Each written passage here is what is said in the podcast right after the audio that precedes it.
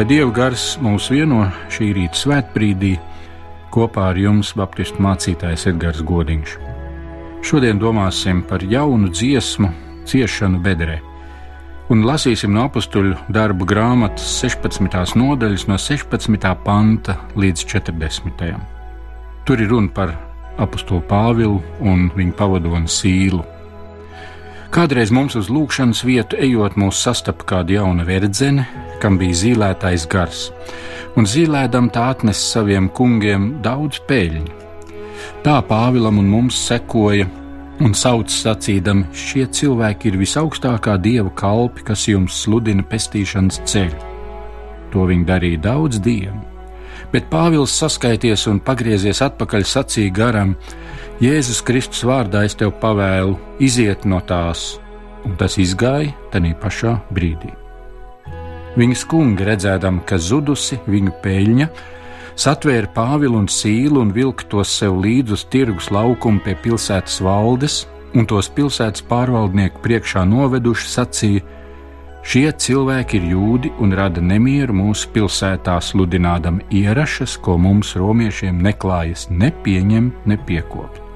Ļaužu pulks sacēlās pret tiem, un pilsētas pārvaldnieki tiem noplēsa drēbes un pavēlēja tos šaust trīkstēm. Pēc daudz sitieniem viņi tos iemeta cietumā un pavēlēja cietuma sargam tos stingri apsargāt. Šis, dabūjis tādu pavēli, tos iemeta cietuma dziļākajā vietā, un viņa kājas ielika siekstā. Ap pusnakti Pāvils un Sīla, lūgdami Dievu, dziedāja slavas dziesmas un ieslodzītie viņos klausījās. Piepieši notika liela zemestrīce, tā ka cietuma pamats sakustējās. Tūdaļ atvērās durvis, un visiem nokrita važas. Bet cietuma sargs uzmodies un redzēdams cietuma durvis atvērtas, izrāva zobenu un gribēja nonāvēties, domādams, ka cietumnieki izbēguši. Bet Pāvils sauca skaļā balsī, sacīdams: Nedari sev nekā ļauna, jo mēs visi esam šeit. Viņš sauc pēc uguns, ieskrēja un drebēdams metās zemē Pāvila un Sīlas priekšā, un izvedis tos ārā sacīja: Kungi, kas man jādara, lai es tiktu pestīts? Viņi atbildēja: Tici uz kungu Jēzu, tad tu un tavs nams tiksiet pestīti. Un viņi runāja dieva vārdu viņiem un visiem, kas bija tajā namā Viņš tos uzņēma tajā pašā naktas stundā, nomazgāja tiem brūces, un tūdaļ viņš tika kristīts pats un visi viņa piederīgie. Viņš tos veda savā namā, sēdināja pie galda un priecājās ar visu savu namu, kad ticēja dievam. Kad diena bija uzaususi, pilsētas pārvaldnieks sūtīja tiesas kalpotājus sacīdami: atbrīvo šos cilvēkus. Cietuma sargs Pāvilam paziņoja šos vārdus pilsētas pārvaldnieks sūtījuši, lai jūs atbrīvo, tad ejiet un staigājiet ar mieru sirdī. Bet Pāvils viņiem sacīja: Tie mūsu romiešus bez tiesas sprieduma, visiem redzot, ir šautuši un iemetuši cietumā, un tagad tie mūs slepeni izmet? Tā nē, lai viņi paši nāk un mūs izved. Tiesas kalpotāji atstāstīja šos vārdus pilsētas pārvaldniekiem. Tie sabijās dzirdēdam, ka viņi esot romieši, un tie atnāca, viņiem atvainojās un izveduši lūdza iziet no pilsētas. Izgājuši no cietuma, viņi aizgāja pie Lidijas un apmeklēja brāļus, pamācīja tos un devās ceļā. Tik tālu svētie raksti.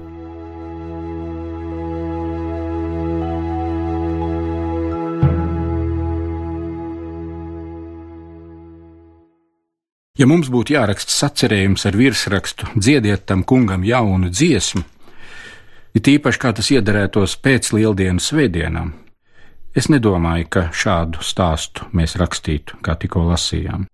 Drīzāk skatītos, kur ir noticis kas priecīgs, tāds, kas paceļ, kas iedvesmo slavas dziesmai. Vai apstuļu Pāvils stāsts ir pamats jaunai slavas dziesmai?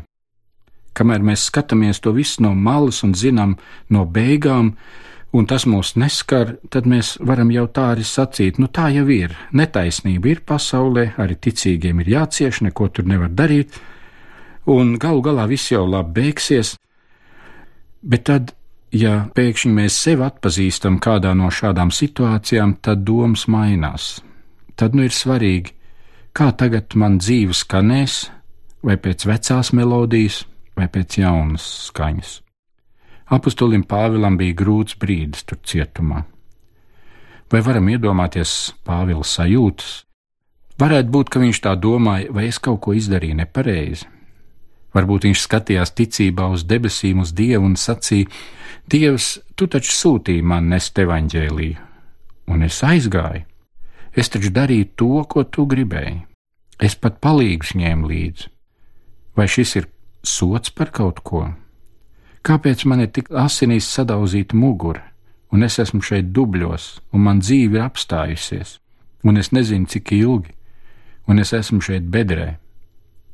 Varbūt, ka viņš jautāja dievam, Dievs, kāpēc, ja es atrodos tavā ceļā, kāpēc vajadzēja nākt tādam publiskam pazemojumam? Mēs tā centāmies Jēzus vārdu darīt lielu, lai cilvēki sāktu ticēt, bet tagad pēkšņi visi redz, kā tiekam pazemoti. Norauj drēbes, sit kā noziedznieks, velk uz cietumu, iegrūž dziļākajā cietuma bedrē, vēl ieslēdz kājas koku siekstā, ka nevar pakustēt, it kā Pāvils un Sīla būtu lielākie noziedznieki pasaulē. Dievs, vai tas nāk par labu tavai valstībai? Varbūt viņš jautāja, vai tā ir jānotiek, ka liekulība ņem virsroku? Kas tad tam visam bija par iemeslu? Kādai paverdzinātai sievietei viņa izdzina zīlēšanas garu. Nu, nelaimīgā sieviete vairs nav apsēsta. Viņai nav vairs jāpelna nauda ar zīlēšanu, par ko nāk dieva sots un lāsts. Viņa ir brīva, beidzot brīva. Bet nu nāk gaismā, ka kādi ar viņas grēku gribēja pelnīt naudu. Redzot savus peļņas zudumu, tie uzstājās kā sabiedrības vērtība aizstāvji, sakot, tas, kas nāk caur Jēzu Kristu, mums brīviem cilvēkiem nav vajadzīgs, tas grauj mūsu sabiedrības morāles pamatus. Apostolim Pāvilam jādomā, kāda tā ir liekulība - veidot biznesu, citus paverdzinot, bet uz āru nostājoties kā sabiedrības morālo vērtību aizstāvji un tu Dievs atļauj tam tā notikt? Un varbūt vēl. Tā taču ir netaisnība. Viņu taču ir Romas pilsoņi, kuriem ir tiesības aizstāvēties, kuriem ir tiesības pret apsūdzētāju likt pretī arī savus argumentus. Roma bija tik demokrātiska, tik cilvēku tiesība aizstāvoša, ka viņi nemaz neļāva savus pilsoņus tā aizskart.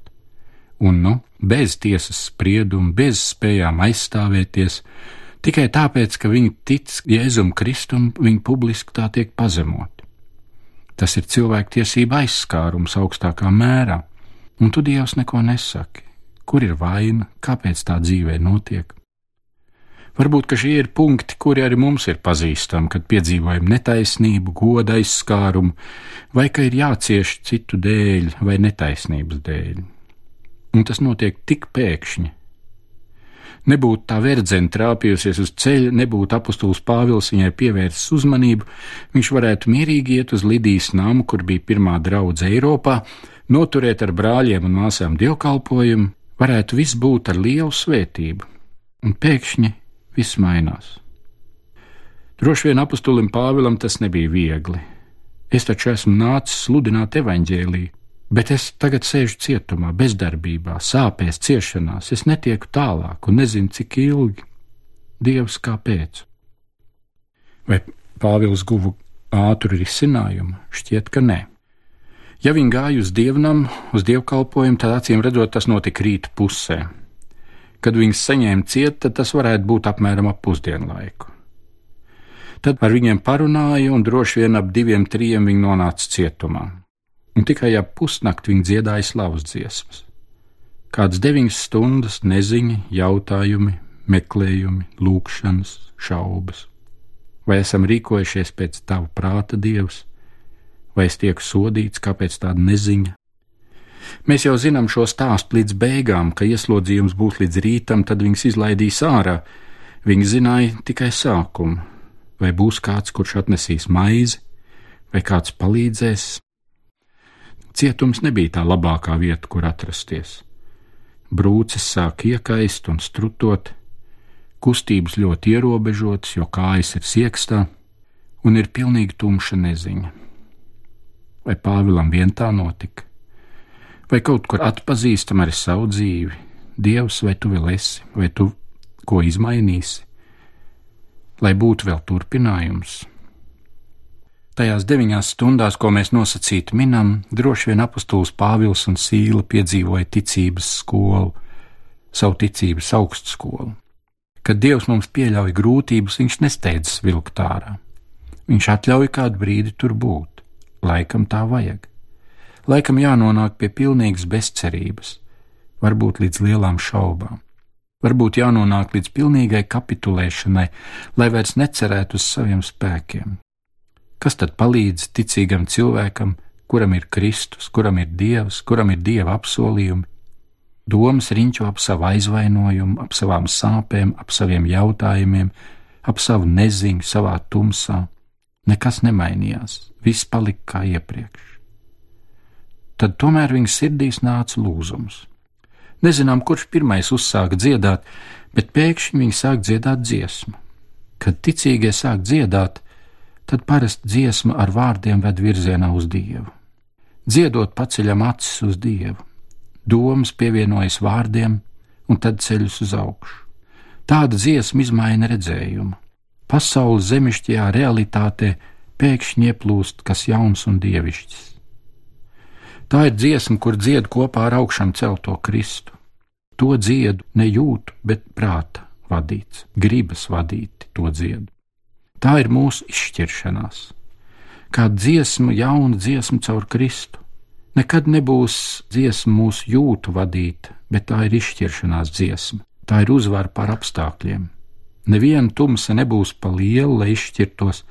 Tagad es gribu Dievu slavēt. Arī tad, kad iekšēji ir liels pretrunas. Es slavēšu Dievu. Kaut iekšējā balss saka, par ko? Es Dievam teikšu paldies, kaut arī šī iekšējā balss saka, vai par to, ka tu ciet? Es gribu savu dvēseli pacelt pretī savam radītājam, vai par to, ka esi samalts? Vai tev ir iemesls Dievam pateikties? Jauna dziesma skan ne apstākļi radīta, bet tāpēc, ka Dievs jau to ir darījis, un caur Jēzu Kristu mēs varam ieraudzīt visu savādāk. Šajā izmaiņā mēs redzam, kādam garam mēs dzīvojam, kurā pusē stāvam, lai neesam vien saulaino dienu kristietībā. Kamēr saule spīd, viss iet labi, Mēs sakām, cik labi ir ticēt Dievam. Viņš ir varens, viņš ir spēcīgs, viņš visu var, viņš man mīl, viņš ir manā pusē, viņš man aizsargā.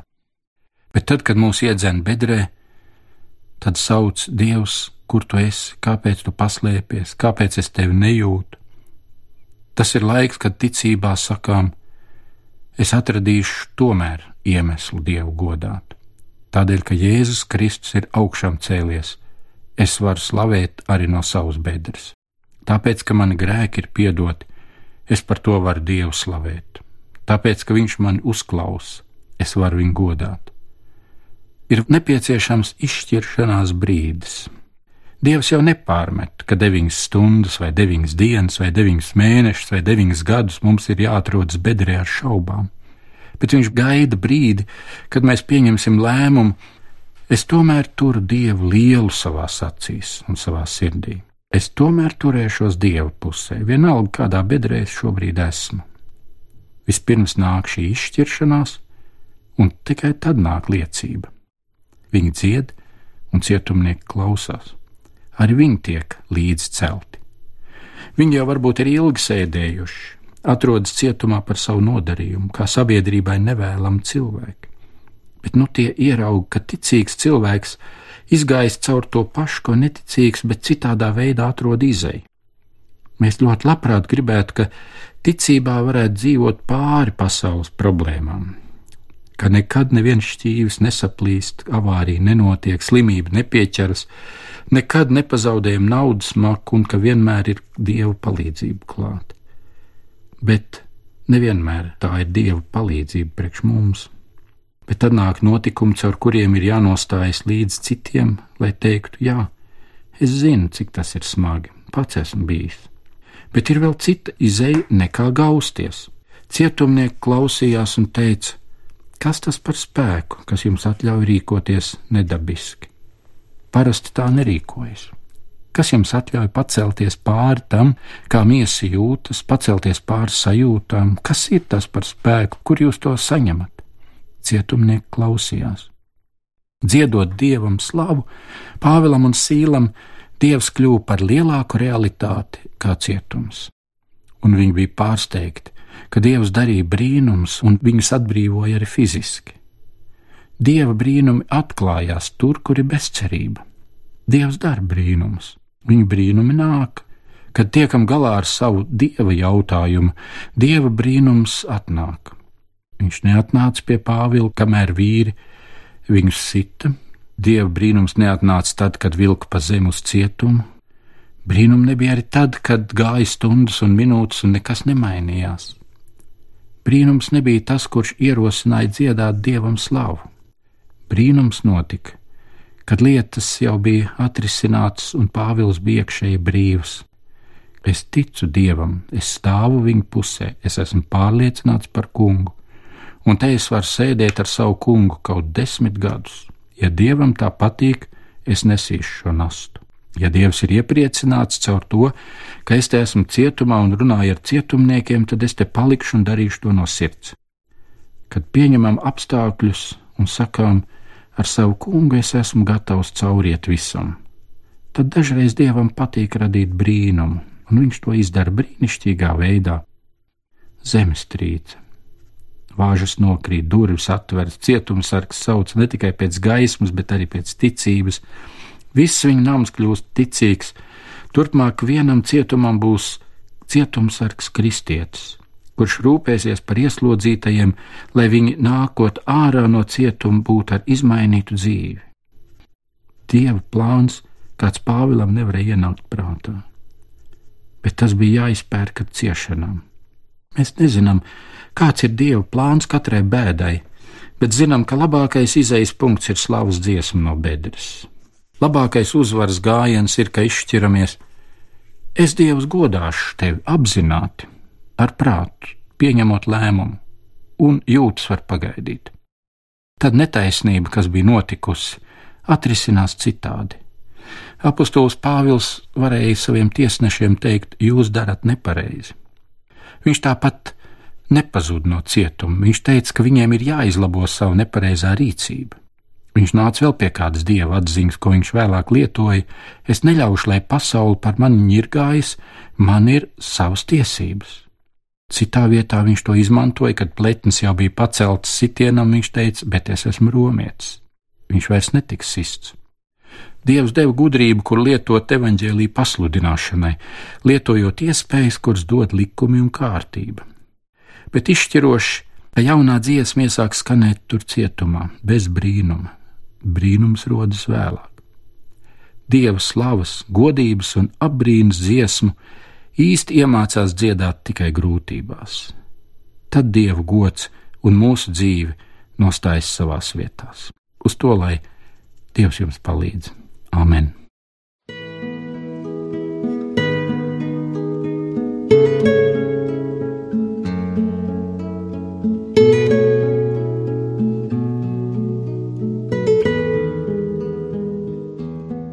Mēs lūgsim. Svētais Dievs, mēs pateicamies, ka caur Jēzus Kristus augšām celšanos tu parādi, kā tu no ciešanām radi svētību. Paldies, ka tu arī mūs ved pa tiem ceļiem, kurus mēs nesaprotam, bet pie tavas rokas ejot, zinām, tiem ir nozīme un jēga, un beigās mēs to redzēsim. Un lūdzam par visiem, kuriem ir ciešanas un bēdas, grūtības, slimība vai kādi apstākļi vai kā citādi, mēs aizlūdzam šobrīd par cietējiem.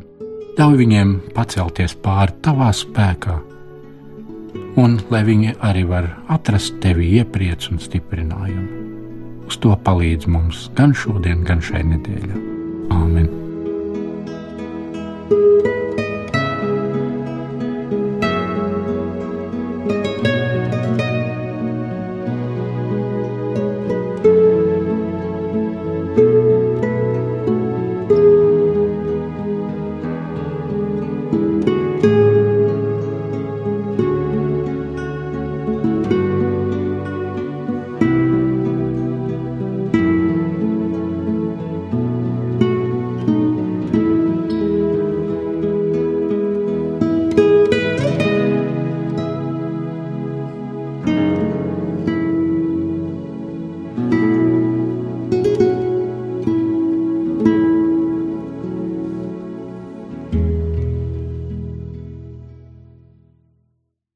Dieva miers, lai jūs svētī un pasargā. Ar jums kopā bija mācītājs Edgars Godiņš.